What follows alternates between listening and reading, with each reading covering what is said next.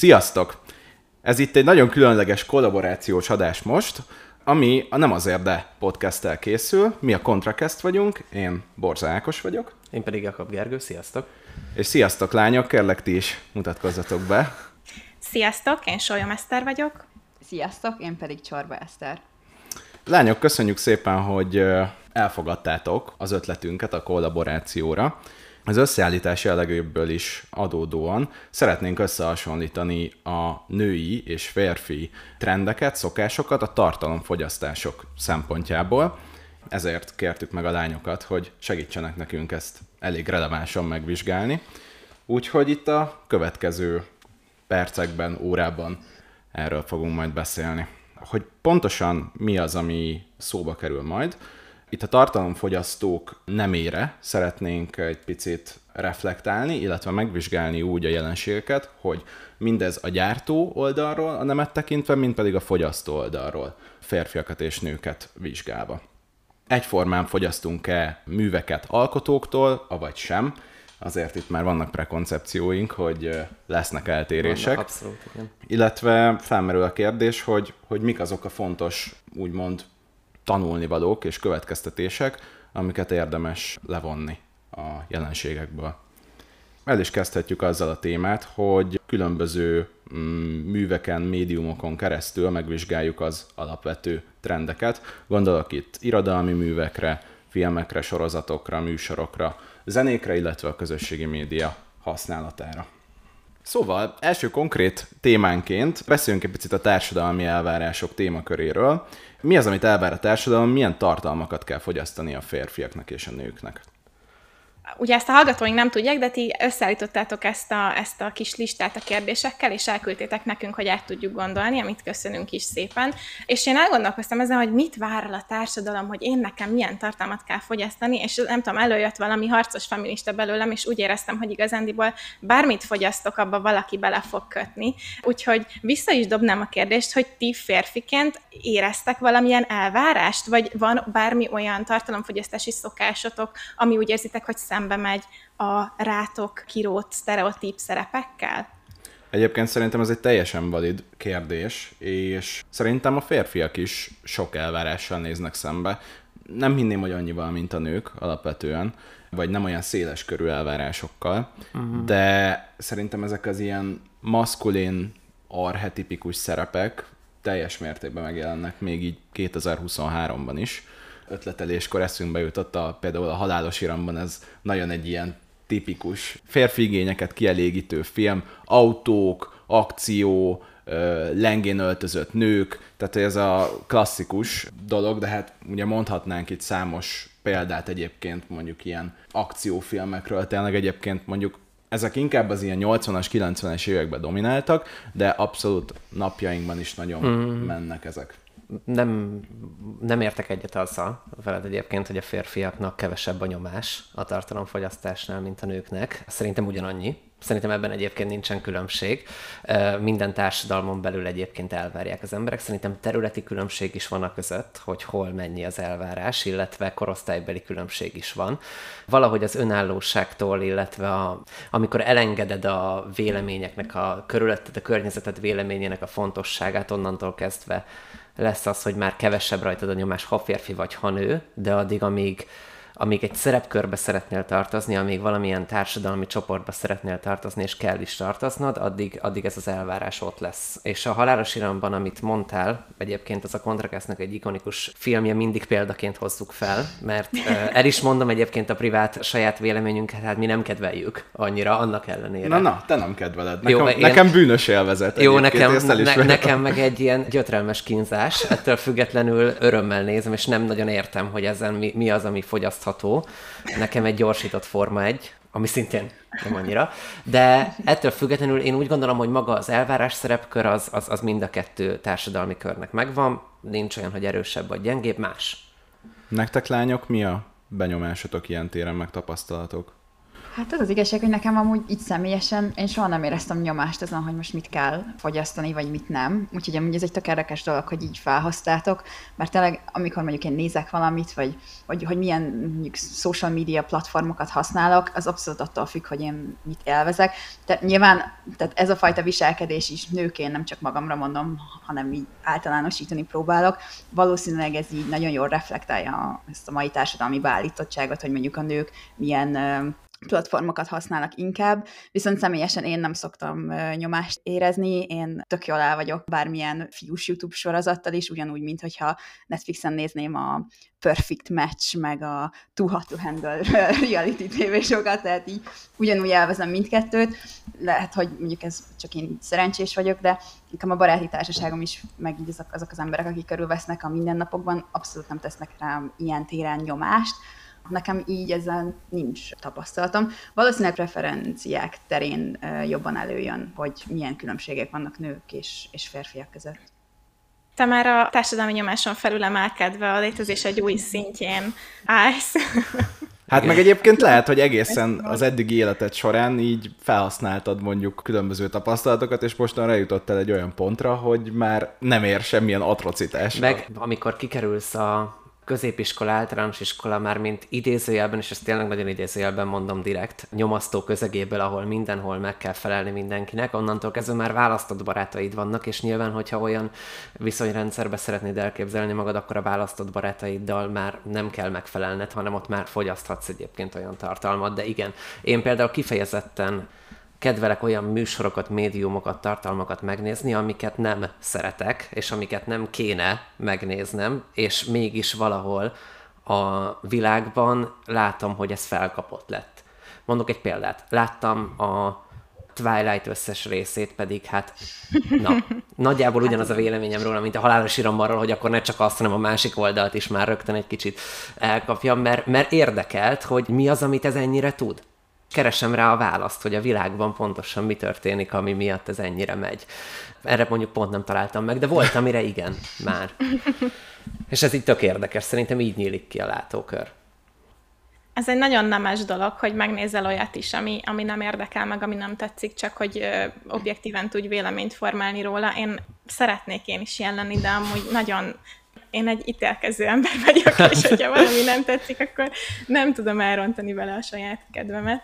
Egyetértek. De, Köszi. Na de visszatérve a, a társadalmi elvárásokra, én inkább valahogy azon gondolkoztam, hogy talán nem úgy nyomás, hogy ezt meg kell néznem, mert ez az én szerepem, hanem ha valamit máshogy fogyasztok, mint a sztereotípia, akkor egy ilyen büntetést vettem észre inkább. Uh-huh. Például a, készítettünk egy epizódot a saját csatornánkra az internalizált nőgyűlöletről, és abban egy kicsit jobban megvizsgáltuk így a saját mondjuk fiatalkori hozzáállásunkat dolgokhoz, és én egy csomó mindent eljöttem, hogy így azért próbáltam elkerülni, mert ilyen túlságosan csajosnak tűnt, és akkor ezt így nem tudtam megfogalmazni ilyen tini koromban, hogy az osztálytársak véleménye, meg a társadalmi visszajelzések, ezek elijesztenek engem a tipikusan lányos dolgoknak a kedvelésétől, de viszont azt nagyon erősen éreztem, hogy úristen, én nem akarom soha senkinek bevallani, hogy mondjuk tetszik Justin Bieber zenéje, vagy hogy Taylor Swift, vagy ilyesmi, nem, fú, én ennek komolyabb ember vagyok, én ennek, tudjátok, mire gondolok. Igen és hogy egy csomószor így visszatekintve azt látom, hogy olyan dolgok, amik egyébként most teljesen tök mindegy, hogy mit választasz, ami megkapta ezt az ilyen csajos, vagy férfiként búzis jelzőt, az így leértékelődött a többiek szemében. Abszolút, és szerintem tök rossz az, hogy neked tinédzser korodban felmerül egyáltalán az, hogy nem kedvelhetsz valamit, mert nyilván ennek van egy olyan oka, hogy stigmatizálva vagy, mert tinédzser korodtól nőként, bizonyos dolgok úgymond alantasabbak, bizonyos művek alantasabbak, és neked ezért szembe kell nézned ezzel, hogy te nem leszel komolyan véve, hogyha azokat kedveled. Míg egyébként saját példánkból kiindulva, hát kijött egy klasszikus, most ha visszagondolok 2000-es évek közepére teszem, azt kijött egy új szuperhős film, mondjuk Pókember, vagy nem tudom, egy új Star Wars, vagy bármi, akkor hát nem tudom, Geri, neked mi a véleményed erről, de egyáltalán nem kellett nekünk megbélyegzéssel szembenézni, hogyha ezt meg akartuk nézni, sőt, ez volt a menü, erről beszélgettünk. Igen, meg egyébként akkor még meg, hát ez nem csak akkor, ez talán nagyjából mindenkor, vannak olyan művek, irodalmi dolgok, vagy bármilyen tartalomfogyasztás, amiből kicsit kimaradás érzésed van, hogyha a korosztályodnak per nemednek megfelelően nem nézed meg. Például a szuperhős filmek. Például Igen. ugye hát el tudjuk mondani, hogy fiútársaságokban hányszor beszélnek az emberek a Marvel filmekről és sokszor egyébként, Igen. ahogyan a foci Weber is, bár az egész világ, szóval pont egy rossz példa, de például a szuperhősös filmek az egy, az egy kifejezetten jó példa, mert a Marvel az egy annyira konkrétan rám megy arra, hogy abban a közegben muszáj erről beszélni, hogyha nem látod, kimaradsz a Igen. beszélgetésből, az élményből, és ennek rengeteg egyébként ilyen pontja van.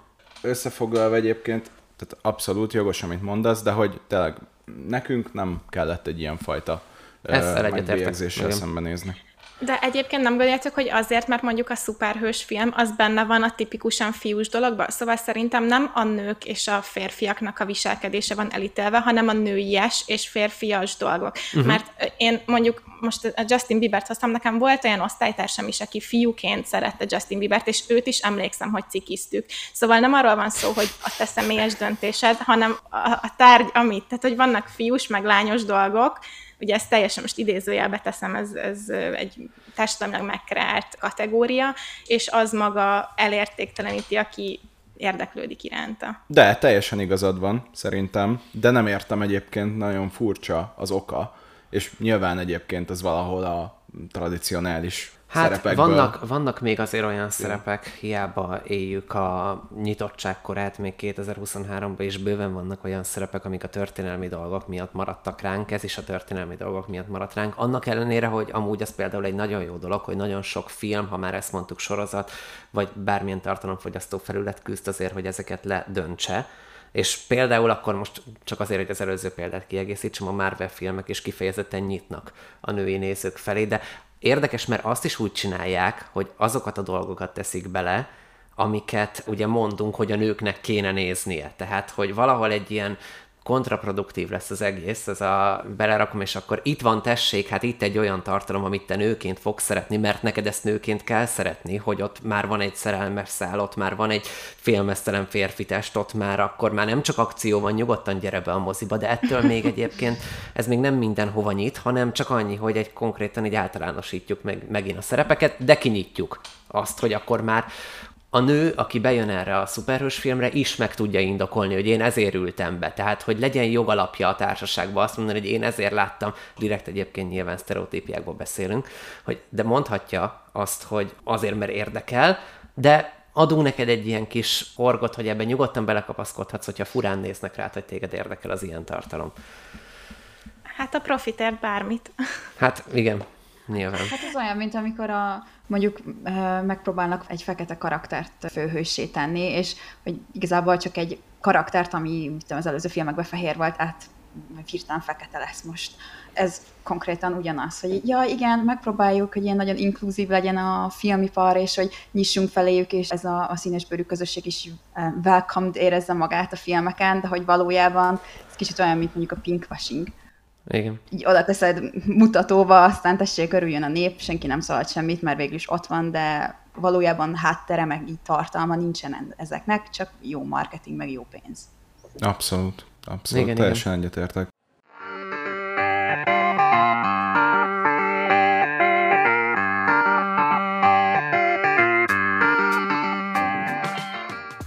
Beszélgessünk egyébként szerintem picit a sztereotípiákról, összeszedtünk néhányat. Ez nagyon tetszett, amit felírtatok például, hogy férfiak söröznek és focit néznek, a barátnő pedig cserébe ráerőlteti a pasira, hogy nézzenek romkomot. Én ezt át is dobnám most, hogy mi, mik azok, ami sztereotípiákban mondjuk úgy érzitek, hogy nagyon relevánsak, és mondjuk akár van is igazság alapjuk. De ezzel ellentétben mik azok, amik mondjuk tökre hamisak? Szerintem ez kicsit ilyen mi volt előbb a tyúk vagy a tojás kérdés, mert egy csomó ilyen, például ez a férfiak söröznek és pocit néznek, ez furra egy sztereotípia, de nyilván van valóság alapja is, hiszen mind ismerjük ezt az embertípust, aki nagyon szeret sörözni és focit nézni, és az égvilágon semmi baj ezzel nincs. Nem tudom, hogy mi volt előbb, hogy a férfiak tényleg jobban szeretnek focit nézni, mint a nők, és ezért ez így alakult, és most már bevésődött, vagy egyszerűen ebben össz fel, hogy ez a közös program az apukáddal mondjuk, hogy nézitek a focit, és ez a közös témátok, és eszedbe nem jut bármi mást mondjuk egy romkomot megnézni. Nyilván a sztereotípiák azért vannak, mert ezek egy ilyen mentális segédeszközök igazándiból, hogy, hogy gyorsabban tudjunk gondolkodni, és teljesen normális, hogy kialakulnak ezek. Attól függetlenül érdemes megkérdőjelezni, még akkor is, hogyha te imádsz focit nézni, néha megkérdőjelezni, hogy jó, jó ez így vagy sem de szerintem full van valóság alapjuk, és ez egy olyan, például az erőltetem, hogy nézzünk romantikus filmet, ez egy olyan kis box, amiben én is abszolút beleillek, mert teljesen ismerem az érzést, és nagyon szeretem ezeket a filmeket. Én is ugyanez vagyok, nyilván nem a focival, mert mondjuk nálunk a, barátom, ő nem nagy foci vagy sportrajongó, viszont ugyanúgy nem levelem romkomat nézni, csak hogyha már rágom a fülét már így tudod, van egy kb. nem tudom, évente három olyan alkalom, amikor így rá tudom mondani, hogy akkor jaj, nézzük meg ezt a, nem tudom, mamma miért, hogy jaj, mi az a énekelnek, hát én nem nézek a zenés. Jó, hát a legkeményebben kezdesz szegényel azért. Hogy... De igen, hát valószínűleg a sportra visszatérve, amikor az, nyilván kialakultak a sportok annó, a nőknek ez nem volt nagyon az asztalon, tehát nem csak, hogy nem tudtál részt venni ilyen sportokban, hanem így valójában nézni sem nagyon volt megengedve, úgyhogy nyilvánvalóan ez így egy férfi dolog lett, nem csak a foci, szerintem így bármi más. Ezek a romantikus vígjátékok, meg, meg főleg az ilyen zenés dolgok szerintem megint nők vettek részt benne többségében színházakban, amikor már nők is szerepelhettek színházban, akkor az énekes szerepeket főleg ők vitték, és én úgy gondolom, hogy mondjuk az, hogy a férfiak kifejezetten nem szeretnek zenés romkomot nézni, hogy ez szerintem ez ilyen extra, extra, extra rossz, mert a sima romkom oké, de a zenés az már mint a horrort akarnának nem tudom. Ennek is biztos vagyok, hogy rengeteg társadalmi meg történelmi háttere van. Teljesen egyetértek azzal, amiket elmondtatok. Én is biztos vagyok benne, hogy még a mai napra is, vagy napjainkra is kivetítve teljesen ez az oka, hogy a férfiak körében továbbra is iszonyú népszerű a különböző sportkultusz. Nyilván európaiként a, a foci az, ami előtérbe kerül, nőknél pedig akár a romkom, de hogy a műfaj, mondjuk ez akár filmes, sorozatos berkeken is átívelően minden téren, akár zenében, akár másban. Viszont én azt látom, hogy elkezdtünk elmozdulni egy jobb irányba. Tökre előtérbe kerültek az elmúlt egy-két évben a kifejezetten női sportok, például a női foci nagyon felfut mostanában, és azt látjuk, hogy a nagy stadionok, ahol játszik a férfi csapat is, ott kezdenek már a női csapatok is játszani, és több tízezer ember kíváncsi a, a magasabb ligákban ezekre, míg az ellentétes oldalon én ezt most magamból kiindul fogom mondani, saját példát hozok. Én amúgy a jó romantikus filmeket borzasztóan szeretem. Eleve a dráma a kedvenc filmes műfajom, és az egyik kedvenc filmem például a házassági történet, ami szerintem a legrealisztikusabban mutat be egy párkapcsolatot, amit valaha én filmvásznom, vagy hát nem filmvásznom, mert Netflix exkluzív, de amit filmes tartalomban láttam, nekem az az abszolút etalon, ami párkapcsolatról szól a házassági történet szerintem rossz példa.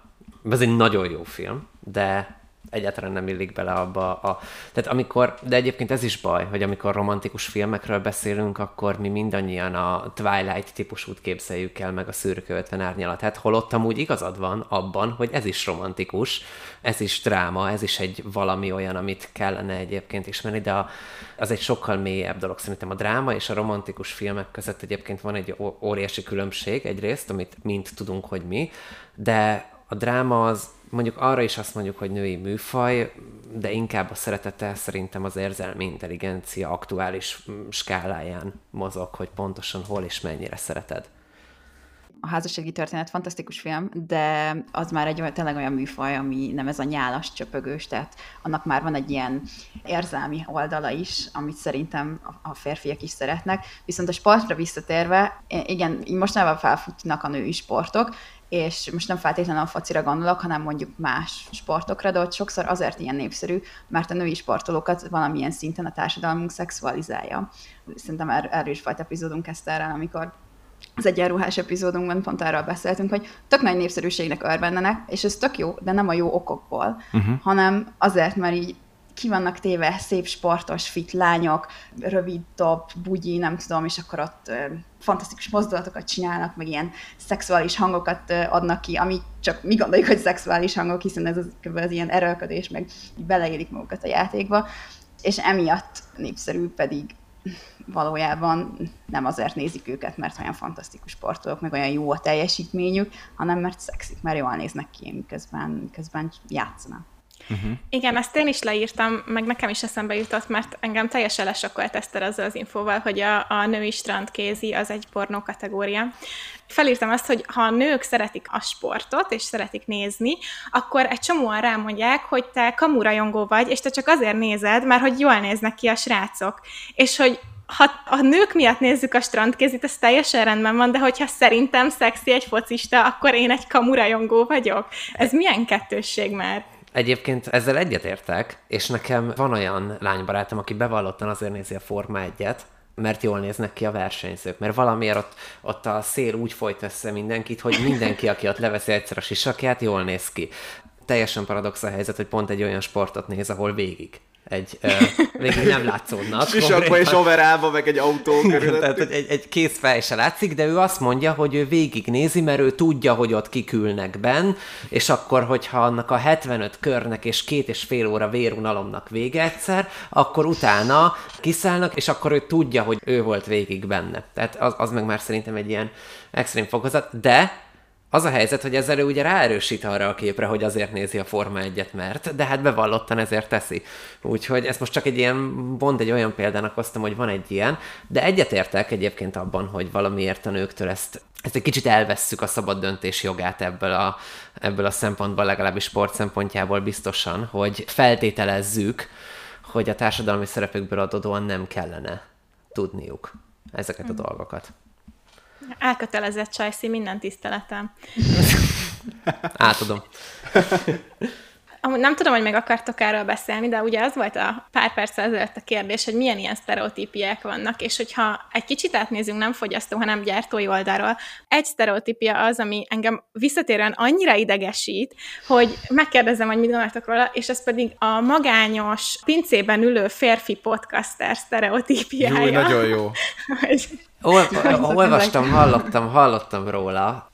Nekem nem ez jut eszembe. Vagyis, hogy még mielőtt nekünk volt podcastunk, sem ez jutott eszembe, tehát nyilván, ugye mielőtt elkezdtük, mi is belástuk magunkat a világba, hogy pontosan mik vannak, de de nem, nekem, én őszinte leszek, én ezt, én ezt így nem látom, és nem, nem, nem értem ezt a sztereotípiát, de szerintem az Ákos igen, mert ő sokkal jobban lelkesedik, mondjuk minden iránt sokkal jobban lelkesedik, mint én.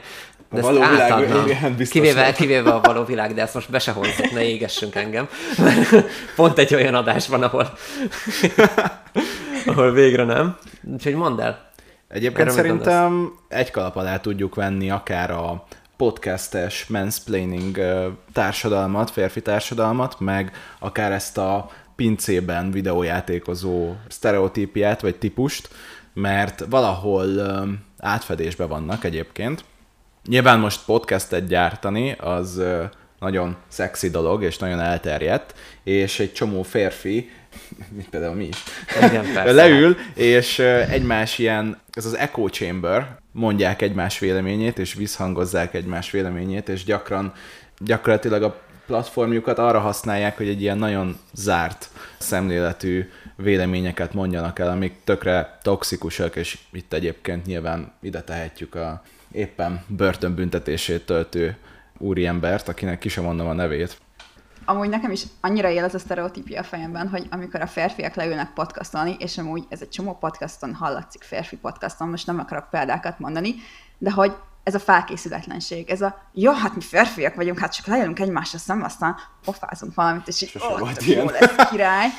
És így, jó, megvan van valami mondjuk hiper-szuper mikrofonjuk, tehát technikailag valószínűleg jobbak, mert hogy férfiak értenek ehhez, de hogy, amúgy, hogy tartalmi szinten általában nagyon, ez, amint mondtam, felkészületlen, abszolút nincs semmi utána nézés, és tényleg ezeket, ahogy ti is mondtátok, ezt a szőkörű látáskört így viszik tovább, még mi, mint női podcasterek, szerintem nekünk ez egy fél éves rákészülés volt, mielőtt elkezdtük magát a podcastot, és minden epizódunkra, meg így mindenre olyan szinten rá tudunk szorongani, hogy úristen, ezt most hallgatni fogja valaki?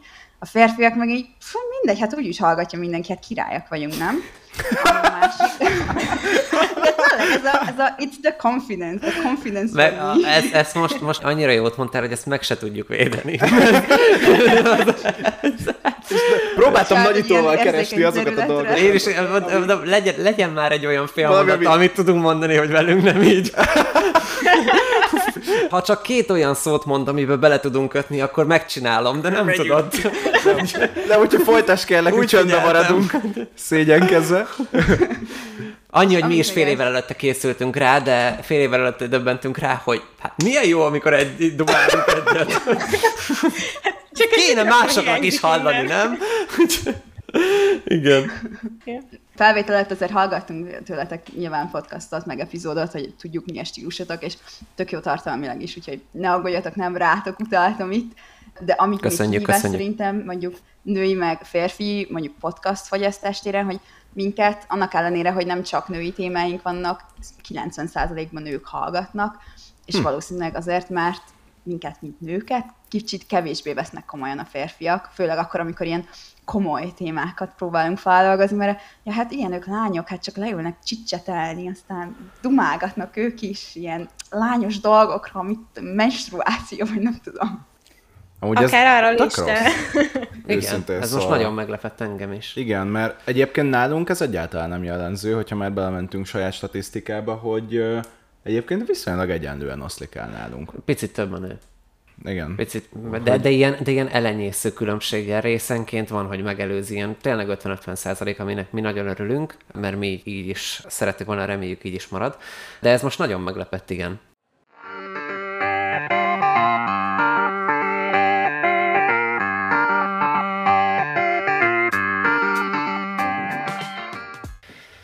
Én írtam a jegyzetünkbe a reprezentációról, és úgy érzem, hogy megragadom az alkalmat, és behozom ide ezt a témát. És szerintem, amit ti látok, hogy mondjuk nem, nem is csak titeket, de hogy férfiak tartalmát szerintem témától függően 50-50 arányban simán tudják fogyasztani nők és férfiak is. De ez nem csak podcaster, ez lehet akár youtuber, vagy akár egy férfiakat bemutató film, stb. És szerintem ez azért van, mert aki kevésbé reprezentált, vagy egy kisebbségi csoport, ő hozzá van szokva, hogy nem látja magát állandóan reprezentálva a médiába. Most lehet ez a, a nők akár, de lehetnek a színesbőrűek, LMBTQ tagok, de akár egy, mondjuk egy kerekes, székes ember is konkrétan megtanulod gyerekkorodtól, hogy te másokkal empatizálj, és egy teljesen máshogy kinéző embernek a történetébe belejeld magad, és őket látod a tévében. És ezért, hogyha mi csak olyat néznénk, vagy nem is igazából én nem európai fehérnőként, azért ez nem igaz, de mondjuk, hogyha egy kisebbségi csoport csak olyat nézne, amiben ő van reprezentálva, akkor mondjuk 90%-kal lecsökkenne, ami, ami közül választott, és akkor lehet, hogy még sokat mondtam. Ezzel szemben a, a rendesen vagy akár túl reprezentált csoportok, fehérek, cisheterók, férfiak, stb. nagyon hozzá vannak szokva, hogy vissza, viszont látják magukat a tévében, hogy például nekem teljesen egyértelmű volt, hogy a kis babáim gyerekkoromban úgy néznek ki, mint én, stb. Nem kellett megtanulniuk másokkal empatizálni, és amikor látnak mondjuk egy progresszív trendet követve egyre több feketét egy Netflix sorozatban, vagy egyre több mondjuk a szexualitásában divers embert, akkor jön ez a ellenreakció, hogy hát ez már túlzás. Hát ez már, ez már túlzás, hogy mindenhová bele kell rakni egy valakit. És egyszerűen le vagyunk, le vagyunk sokkolódva egy fekete kis hablányon, vagy a Bridgertonnak a, a színes kasztján, mert nem vagyunk hozzászokva. Egyébként elképesztő, hogy ez mennyire nagy mértékben jön ki a mi generációnkban is. Nekem számos példa volt, és ezek így mind a közelmúltban történtek, meg nyilván korábban is, de hogy ez még mindig folyamatosan történik, hogy különböző társaságokban, ahol mondjuk egy ilyen szabadidős tevékenységben vagyok épp benne, nem tudom, akár közelebbi barátok, de mondjuk nyilván a közelebbi barátaimat kevésbé érinti, mert ezt jobban megválogatja az ember, de hogy mondjuk ilyen egyéni alkalmakként, amikor belekerülök egy olyan társaságba, akivel abból nem szoktam találkozni, elképesztően benne van az alapgondolkodásban ez a fajta kirekesztés és ez a fajta gyűlölközés. És én azt gondolnám, ez lehet, hogy meg az én szűklátókörűségem, hogy annyira magamból indulok ki, hogy tökre nem tartom normálisnak azt, hogy négerezünk folyamatosan, meg durrogtatjuk a rasszista poénokat, nőgyűlölő poénokat, és úgy gondolom, hogy az elmúlt egy-két évben erre különösen érzékeny lettem, hogy, mert addig lehet, hogy nem vettem fel annyira, de sokat szoktam ezen, ezeken a problémákon gondolkodni, és tényleg megfigyeltem azt, hogy basszus, leültem focit nézni és közben sörözni egy társasággal. Hát ezek után már ne is folytasd. I- igen, és itt, itt nem is kéne meglepődni akkor a sztereotípiák alapján, hogy előjön a nőgyűlölő poénkodás, meg az, hogy a három fekete játékos van a 22 emberből a pályán, és akkor úristen, hülye néger, megint elvesztette a labdát. De igen, ez hangzik el tulajdonképpen. Úgy beszélünk erről a problémáról amúgy, mintha, tehát hogy van egy-két ilyen dolog, amiről egy idő után úgy döntünk, hogy akkor ez már nincs, ez a probléma. Ez a probléma mm. már nem létezik, hogy már nincsen akkor négerezés, nincsen kisebbségi csoportok megtámadása, de addig még mindig létezik, addig még mindig életben fogja tartani, amíg kis társaságok szerepköreibe kötelező belépési küszöb lesz, hogy úgy lépjél be, például ebbe a fiú társaságba, hogy neked ezen a poénon röhögni kell, neked ezen a poénon tovább kell, hogy vidd, mert akkor vagy a társaság része, amúgy te nem vagy ide, ide való. És én emlékszem arra, amikor erről meséltél, erről, a, erről az eseményről, hogy akkor ez neked egy ilyen ráébredési pont volt, nekem is volt egy ilyen ráébredési pont, amikor a saját társaságomba így észrevettem, hogy e- ezeken a poénokon én már nem nagyon tudok rögni. Egyrészt egyébként maga a poén is addig poén szerintem, amíg nem ismételjük el 43-szor, például, ez egy nulladik pont. A következő pedig az, hogy eljutunk egy olyan korba, amikor az érzékenységi küszöbödet átlépi az, hogyha valaki másnak a nyomorán történik a röhögés. És ez sajnos, hogyha itt már a sztereotípiákról, meg a nemi különbségekről és tartalomfogyasztásról beszélünk, ez férfi társaságokban, mindkettő meg tudjuk erősíteni, egy kb. kötelező rész. Benne van. 20 éves férfiak társaságában, akikről azt gondolnánk, hogy talán már felvilágosultabbak, de és, de és mondhatjuk azt, hogy mert, mert mindent próbálunk mi is minden témánál két oldalról megvizsgálni, mondhatjuk azt, hogy ez kötelező, jó vagy rossz, de hogy ez erről meg én úgy most akkor csak saját nevemben beszélek, én ki szeretném mondani, hogy ez, tehát ez ilyen kérdés nélkül nem jó. Ez nem egy olyan dolog, amiben, mert mert lehet, hogy vannak benne olyan személyiségű emberek, akik beülnek, két óráig kibírják, legyek a társaság része, legalább tartozom valahova, én őket bírom, de nem is értek vele egyet, de itt most elrögcsélek rajta, és az én lelki világom és érzelmi intelligenciám kibírja, hogy hazamegyek, és ott normálisan folytatom tovább az életem, úgyhogy nem teszek különbséget azon emberek között, akiken előbb nevettünk a srácokkal, mert ott kötelező volt.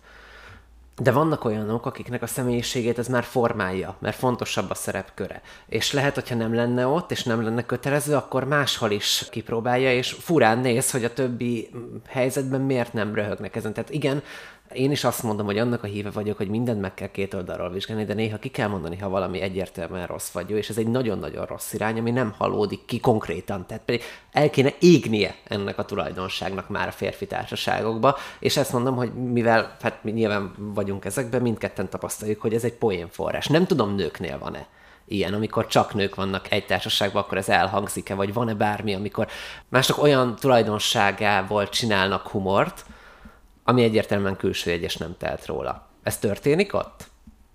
Hát igen, elő szokott fordulni. Szerintem talán nem olyan mértékben, mint a férfiaknál, de megint azért bennünk is van valamennyi internalizált nőgyűlölet, és azért kikijön. Szerintem ez társaságtól is függő, meg szerintem én is, meg Eszter is azért igyekszünk figyelni rá, mert én tudom, hogy azért elő-elő tud jönni, és akkor így át kell gondolnom, hogy jaj, mi is volt ez a reakció, ez az ilyen belém épített reakció, ami mondjuk meglátok valakit, és így nem tudom, nem tetszik, hú de ronda, és így nem, ilyet uh-huh. nem, semmi, tehát nekem hozzá semmi közöm. De elő tud jönni, talán nem annyira vészes, vagy legalábbis az én társaságaimban ez azért nem egy nagyon-nagyon gyakori dolog, és nem is szokott ilyen viccforrás lenni, tehát inkább ilyen megbeszélésszerű, mint hogy nevetünk rajta. Uh-huh. Uh-huh nem tudom, szerintem nekem nagyon szűrte ez a társaságom, meg így ezt nem tudom úgy megfogalmazni, hogy ne tűnjek lúzernek, de olyan hatalmas baráti körökbe úgy nem szoktam idegenként belevegyülni, ahol meglepne valakinek a, az ilyen bigottsága. Talán amit én tapasztalok, úgy a rasszizmus kevésbé, de tényleg, amit Eszter mond, hogy ilyen nőgyűlölő jellegű másokat mondjuk így slut sémelő, vagy mások kinézetére megjegyzés abszolút felmerül, és akkor így egy kicsit úgy érzem, hogy néha így el is kell döntenem, hogy akkor most én legyek az a szemét, aki ebbe beleáll, vagy most tényleg inkább csak mosolyogjak egyet rajta, és majd valaki más mert nekem nem fér bele a kapacitásomba, hogy most ebből is egy háborút csináljak. De amúgy meg nekünk, tehát hogy tényleg meg kell szólalni, és mondjuk rasszista kérdésekben nekünk mind a négyünknek, nőgyűlölő dolgokban meg főleg nektek, mert hogyha valaki ilyen, ilyen tipikus ilyen locker room tolkkal viccelődik, akkor az, ha én neki elopatogni, engem nem fog komolyan venni, titeket talán. Igen, szerintem abszolút felelősségünk van ebben. Az én részemről elismerem, hogy én például tehetnék többet. Én Nyilván... pedig teszek. Amúgy ezt most, bocs, de bátran mondtam, hogy én, én szoktam jelezni, hogy hogyha az, nyilván a saját körömbe, akik már ismernek, és az is bennem van, tehát abban meg, abban meg egyébként csak szeretnék ráfőzni az előző mondatodra, hogy, hogy az viszont nekem is bennem van, hogy olyan társaságomban, akiket már több mint tíz éve ismerek, tudom, hogy a pozícióm az én mondatomtól nem fog változni, ugyanúgy a részese maradok, a következő pillanatra. Tehát így már könnyebben bátor az ember, tehát félig Pont ezt akartam mondani, magam, hogy, hogy... hogy így könnyebben bátor, hogy tudom, hogy ugyanígy ide fognak hívni, tudják milyen vagyok, és így nyilván beleállok. De egy friss társaságba is beleállsz? Nem. Nem. Nem, mert... Nem. Amúgy nem tudom miért. Na, én pedig, pedig gyávának nem tartom magam, de nem tudom miért. Hát azért, nem mert tudom. elmész egy közegbe, ahol úgymond nem Úgy te vagy... nem feladatom. Nem te vagy a kényelmes, esetleg alfa szerepben, most ezt lehet nem, rosszul is érteni, de, de hogy... Gondolhatod úgy, hogy... De, hogy Folytasd. De nem vagy egy olyan komfortzónában, egy ilyen társaságban, mondjuk egy másik belső körbe vagy, ahol azt érzed, hogy csak vendég vagy, ugye ott nem feltétlenül fogsz beleállni az emberekbe, mert próbálod tiszteletbe tartani azt a pozíciót, hogy te oda meg lettél hívva igen, alkalomszerűen. Igen, de alapból ezért meg nem lehet hibáztatni senkit, tehát hogy neked nem dolgod a másik, tehát hogy igen, ez kb. ahogy mondod, akkor azzal a hasonlattal körbeírnám, hogy mire gondolok, hogy nekünk nem dolgunk az, hogyha ha valaki az én lakásomba jön, akkor kövesse az én szabályaimat nyilván. Ha más lakásában vagyok vendégként, akkor követem azt, és a társaságot így nagyban veszek, nem ez az én társaságom, de ott vagyok komfortzónában, tehát idézőjelben ott lakom azzal a közösséggel, az előző hasonlattal élve. És ott bátrabban mersz mondani dolgokat, ott feladatod, hogy mondjál ilyen dolgokat, de más helyeken, ahova úgymond vendégként mész, vagy nem vagy a csapatszerves, nem is érzem, hogy feladatom lenne, ott legyen másé, igen uh-huh. aki mondjuk ugyanilyen gondolkodású. Nem én vagyok a saját társaságomban az egyetlen, tehát most nem akarok itt ilyen hős szerepbe tetszelegni, hanem vannak még olyanok, akiknek ez ugyanúgy birizgálja a hát ezt most nem is tudom, hogy megfogalmazni. A... Bajusszát. Na, hát ha, ennél ha csak férfi, jobban tudtam volna fogalmazni. Ha, ha már férfi sztereotípiákról beszélünk. Ha három percet ülünk és kivárjuk a következő szavamat, is jobb lett volna. De legyen itt, igen. Nekem tetszik. És vannak páran, de ezek már mind olyan emberek, akik nem féltik a pozíciójukat abba a társaságban, mert tudják, hogy benne maradnak így és úgy, és bármit csinálnak.